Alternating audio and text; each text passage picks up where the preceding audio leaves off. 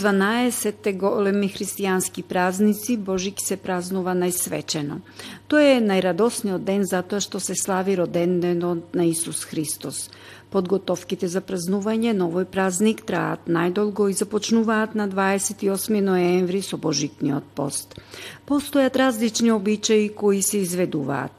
Најбројни и најинтересни се обичаите за бадник. Тие се разликуваат од место до место, но она што е заедничко за сите средини се богатата трпеза и коледарските песни во кои најмалите имаат посебна улога. Децата ги посетуваат куќите каде пеат песни со кои го најавуваат и го честитаат големиот празник за што од домакините добиваат дарови. Свирајте се, дечиња, сред село на грејачка, оган да си палиме, да се згрееме, а после ќе одиме, коледе да викаме. Ајде, добро вечер, деца. Среќен вај Божи. Испејте ми прво една песничка. Ајде, може она што ја пеевте и пред.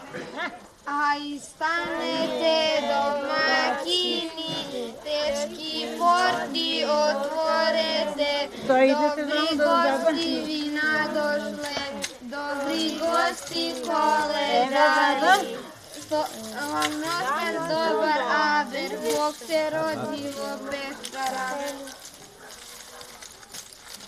Станите домакини, тешки порти отворете, добри гости вина дошле, добри гости коледари, што ви носат добар Абер, Бог се роди во пештера. Еве, поелете, да ви се среќен Божи. Коледица, меледица и по неа Василица, еднаш ние во година, како цвеќе во градина. Коледе, бабо, коледе, дај ни едно костенче, едно за мене, едно за другарчето. Стани нине, господине, добри сме ти гости дошли, добри гости коледари, добар сме ти глас донели. Од оздоле почополе, овци ти се изјавнили, козици се искозили. Нека ви е среќен празникот Божик. Благодарам. Еве да ви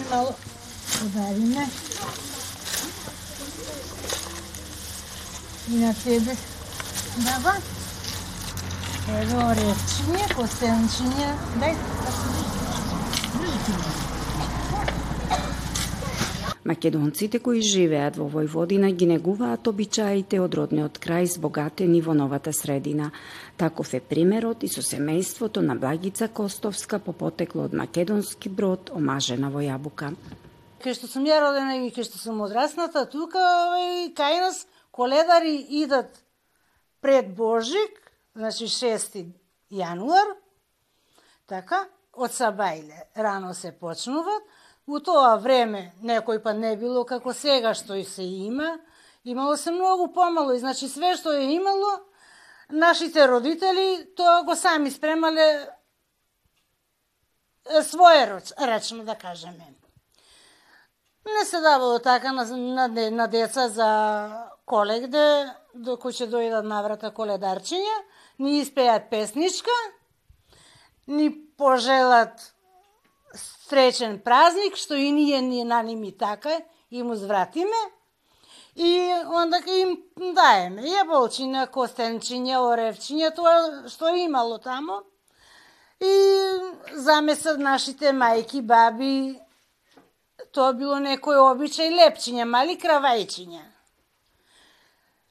И нешто сукано, нешто Така ситни работи на деца и поминат по, по коледа, тоа се но, обично до пладне се издржи. Е, после пладне веќе починат на, на припреми да се припремаат за бадник вечер. За бадник вечер се припремало исто. Најбитно е било да се замеси леп, погача таа. И кој има стока, имале стока у тоа време, наравно сите, Ето е било неки кравајчиња за стоката, за орачите, за сејачите, да родат нивите поубо, подобро. Да ви кажам сега право, и јас сум поодавна отиде на отаде, тие обичаи веќе полако постепено изумираат, колку знаеме толку овај не работиме. Поради многу причини, кај поголемиот број на жители на Јабука и кај нашите домакини се изведуваат само најосновните обичаи. Ко дојдов, овде беше нешто малу поинаку. ај, ја што се запамтила нешто малу од мајка ми, нешто малу од свекрва ми и така, значи, ова исто почнуваат моите припреми за Божик, за бадни вечер, све се углавно спремат посна. Куваме риблја чорба, пржим се риби, се, кува, се варит граф, посен, се сучат, а во лепчето се, став, се стават паричка. И те се сматра тоа паричка кој ќе е наед, на вечер за, за вечере кој ќе се стави, дека ќе имал кроз цела година пари. На сабајле кој ќе се меси, светоа лепчи кој ќе се сукат, подастало се, стој, се ставува бадник. Бадникот се состои од една гранчица даб, една малу сламичка, црвен конец и така се стави, значи док се сучат, док се меси, док се постави вечера, до сутреден не се чисти, онда се утредента на Божик се склони тоа, се го ставаат на вочките, на овошките. Е, тоа е било неко старо верување дека ќе била родни. А така се чула и ја од старите, сега и јас така ви викам, а колку во тоа има вистина, то никој не знае. Све зависи каква ќе биде годината. Бадниковата вечер се одвива во кругот на семејството и се состои од посни јадења, а дел од трапезата е суво овошје и јаткасти плодови. На трапезата, значи, стави се све и се стави и овошје, и граф, и пиперки, и салати, све што е посно, и риби, и банани, смокви, сувисливи, ореви, колачи, наравно, исто посни, сарма посна, некој пат правиме, некој пат не правиме, зависи. Според црковниот календар Божик се празнува три дена и бидејќи представува завршување на еден циклус, треба сите членови на семејството да се дома. Првиот ден наутро се оди во црква на причестување. По овој чин завршува постот и за ручек се подготвува богата трпеза. На сабајлето кој ќе станеме, наравно, сите се поздравуваме мир Божи, Христос се родил. А одговор добиваме ваистина се родил. И така, значи, почнат подготовки да се спрема за ручек. За ручек спремаме кој што имаме. Некој спрема сарми, некој печења, некој кој што има тоа, значи не. Али сите се трудиме наравно да да спремиме најубаво што можеме. На овој ден не се заборавени ни оние кои не се меѓу живите. Во родниот крај на нашата домакинка постои обичај со кој се почитуваат и тие. Во мојот крај дека и што су, за Божик, баш са бајлето, и посетуваат гробиштата, своите предци. Тоа се од, од Сабајле, значи од све што имаш, што си спремал за Божик, и Сабајлето, мајките наши, бабите стануие рано, че за месо че направат нешто мрсно, че испечат месо од печеница, од сушеница, што има, И од све тоа, значи носи се на гробје, тамо се и ручуеше. Има голема една трпезарија во, во тоа место. Има астали, судопери, има тајнири, све, све што треба и се поставуваат кој што донесол, сите седнат и руча, дека сматраат и старите, мртвите биле узними че, че биле сити. Луѓето од секогаш се обидувале да предвидат каква ќе биде годината и времето. Постојат голем број на верувања поврзани со тоа. Едно од нив Костовска сподели со нас. Беше во селото еден дедо, многу стар. Јас кој имав 10 години, тој имаше 115 години. Е, тој викаше, сине, во бадни, на бадник, у очи Божик, ќе ставиш 12 танирчиња и во сите 12 танирчиња ќе, ста, ќе ставиш сол и кромид. И тоа било некое верување, ако било кромидот мокор, да, да има вода да пушти, ќе било тој месец со дош. А кај што ќе не пуштил вода кромидот, тој месец ќе бил сушен. Е сега колку има вистина во тоа, То никој не, не знае. Али викаат стари дека има некој пат се остварувало. Нашите предци верувале и се обидувале да ја предвидат иднината на различни начини. Се труделе да живеат во мир и во рамнотежа со природата. Токму затоа големо внимание му посветувале и посветуваат на најрадосниот празник на кој се поздравуваат со зборовите Христос се роди, а од поздравуваат со навистина се роди. Гледате палету. Избор из емисија на језицима национални заедница.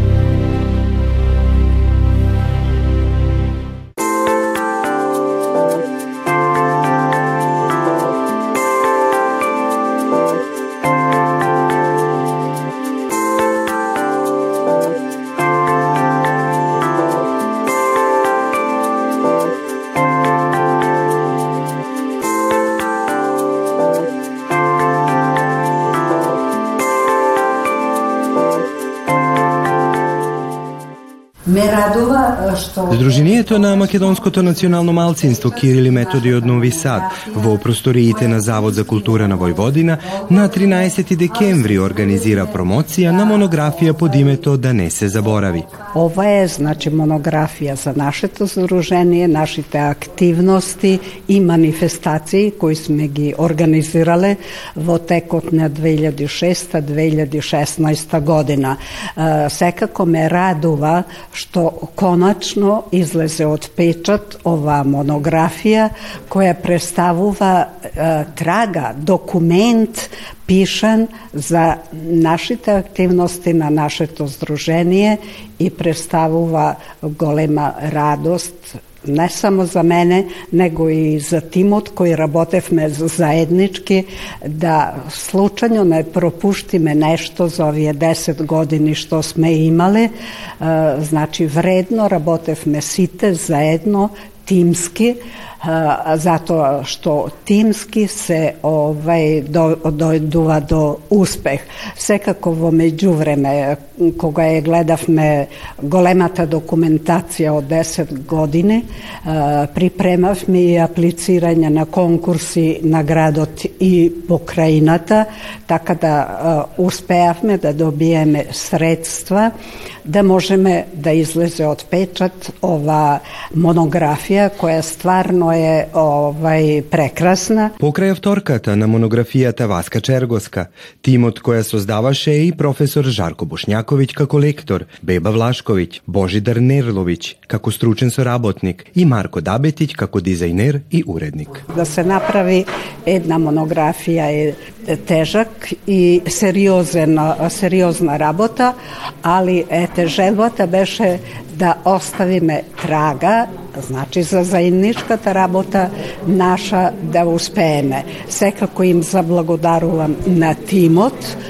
кој учествуваше во припремањето на манифестацијата, а, а секако и се заблагодарувам на градската управа за култура на град Нови Сад, а, кои и на покраинскиот секретаријат за култура и пропис и информирање кои има смисол да оценат дека ова монографија има можност да биде одштампана и тоа е голема благодарност за нив, а секако добивме и први честитки од академикот од Белград Радомир Ивановиќ. Секако, голема подршка на сите манифестации кои ги организираат македонците на овие простори дава и Македонскиот национален совет во Република Србија. Мене ми е посебно драго што, еве, практично од формирањето на Националниот совет и формирањето на првите организации, а, покажавме една истрајност и еден континуитет. Сдруженијето Свети Кирил и Методи е едно од тие здруженија, здруженија кои наполни 10 години, имаме здруженија кои наполни и 15 години и сите тие заедно со нас со, со Националниот совет покажуваат дека на вистина а застанавме за да можноста која даде Република Србија да на најквалитетен, најисправен, најадекватен начин а, го заштитиме а, и нашиот идентитет, и нашата историја, и нашата традиција, и нашиот јазик, и нашето писмо. А, Сдруженијето Свети Кирил и Методи е еден од светлите примери а, како и на кој начин треба да се а, работи, а, каде што а, кванти, а, квалитетот го надминува квантитетот, кој а, може би некои организации се обидуваат да го остварат, а квалитетот е она што е најбитно. А, на најквалитетен начин, кога се штити идентитетот, кога се штити својата историска потка, својата традиција, а, таа има, а, така да кажем, шанса да успее, шанса да обстане. А, 10 години Оздруженијето Свети Кирил и Методи со ова монографија да не се заборави, на најубав начин покажува дека нашиот народ е присутен во Република Србија, присутен во Нови Сад. Посебно ме радува што гледам дека самото здружение почнува и да оди во една, да така кажам, обнова, гледам а, луѓе кои до сега не сум ги гледал, а, некои млади луѓе а, кои се надевам дека утре ќе продолжат активностата на Сдруженијето Свети Кирил и Методи. Подрумо да мајче Во музичкиот дел на програмата ни се представи како солистка Сузана Бјелица,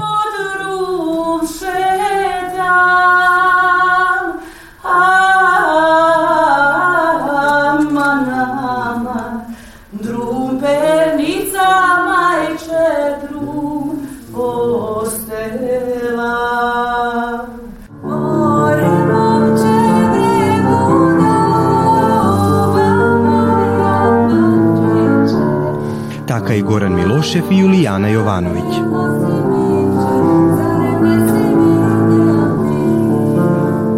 Како што истакна вторката на оваа пребогата монографија, пишаниот збор е најважен и кој останува за идните генерации да покажи колку е битно да не се заборават корените и на достоинствен начин да се сочува традицијата на македонците од овие простори.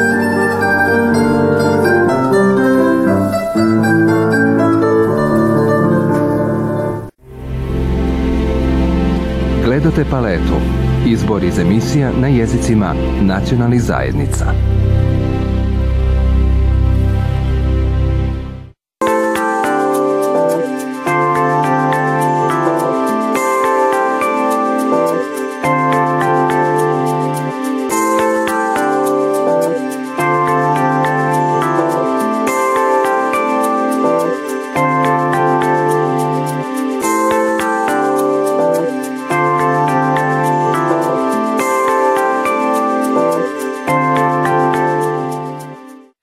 Организација на Сдруженијето Македониум од Белград, а во рамките на манифестацијата Денови на македонската култура Допир на Македонија, на 1 декември во галеријата на куќата Ѓуре Јакшик беше отворена изложба на теракотни икони пронајдени на археолошкиот локалитет Виничко Кале во Виница. Се представуваме со 14 мотиви, од кои имаме 12 копии од теракотни икони, кои што беа откриени во периодот од 1985 година и во подоцните истражување на Виничко кале. Меѓутоа имаме уште два мотива кои што ги немаме во копии, меѓутоа ги имаме на банерите, кои ги имаме 8 на број. А тие икони се комплетирани малку покасно за разлика од првите најдени. И најновите сознанија околу нив се значи од последно време. Тие ги немаме во копии. Беа пронајдени првично од локални жители, и потоа се буди интересот кај научната јавност. Започнуваат истражувањата во 1985 година и во првата сонда на истражување се наоѓа поголема концентрација на икони, поголемо депо, значи каде што се откриени, каде што се откриени 50 цели мотиви и поголем број на фрагменти.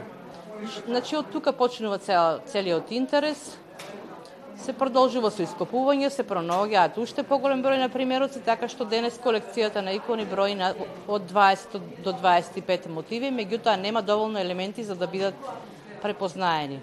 Иконите се а, значи, со мотиви од Библијата, Стариот Завет, Старозаветните псалми, имаме христијански символи и христијански светители. Значи, тие се на некој начин она од кое што учело, учеле христијаните. Преку илустрацијата и преку текстот биле запознаени со христијанската догма во мугрите на на цивилизација, мислам на развојот на првото првата христијанска заедница на овие простори. Интерес за овие икони меѓу научниците и историчарите постои од самиот почеток на нивното пронаоѓање. Тие привлекуваат со својата уникатност, но и со пораките на текстовите. Колекцијата на теракотни икони и по 40 години од откривањето буди интерес за не само за домашната, туку и за светската културна јавност. Тие се најекспортирано културно наследство од Македонија на изложби во цел свет во светските галерии, во светските музеи, можеме да кажеме дека речиси дека и нема поголема европска метропола каде што не биле на изложба. Првото нивно представување беше во Ватикан во 1986 година и последното представување беше во еден од најпрестижните музеи во Ашмолијан во Оксфорд, кој што траеше од октомври 2017 до февруари оваа година во а, 2018 година. Значи, го прочетаа речиси целиот свет, беа во Париз, Минхен, Анкара, Москва, Виена, да не ги набројувам сите градови. Значи, продолжува интересот. Оваа година сме значи овде во Белград и наредна година имаме исто така еден проект со кој што аплицираме до Министерство за култура. Ако биде подржан, ќе бидат изложени во еден од најдобрите музеи во Бугарија, во Русе, каде што исто така ќе се презентираме со оваа колекција на теракотни икони. Тие се единствени, уникатни од ваков тип, датирани се во периодот од 5 6 па кај некои научници дека одати во прва половина на 7 век, и дека според својата уникатност, единственост, го имаат значењето како едни од најзначајните остварувања од ранохристијанскиот период, дури и во светски размери. Според зборовите на директорката на музеот Теракота од Виница на изложбите подеднакво изненадено и воодушевено реагираат и научниците и посетителите.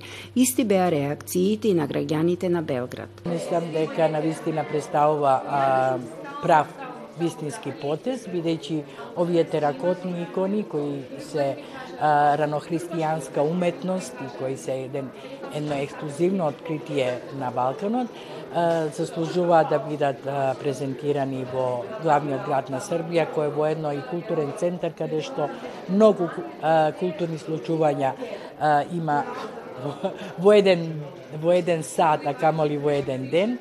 А, Многу се радуваме што ни дојде и нашите гости од Виница, што ќе има, имаме можност да и да воспоставиме понатамошна некоја подлабока соработка. Изложбата на теракотни икони практично е крај финале на нашите денови на македонската култура во Белград. Оваа изложба има посебно значење за гостите од Македонија, организаторите, но и за Белград и за посетителите кои имаа можност да се запознаат со икони единствени од ваков тип. Теракотните икони од Виница се вбројуваат меѓу најексклузивните наоди од историјата и имаат непроценливо богатство од археолошка, уметничка и теолошка вредност.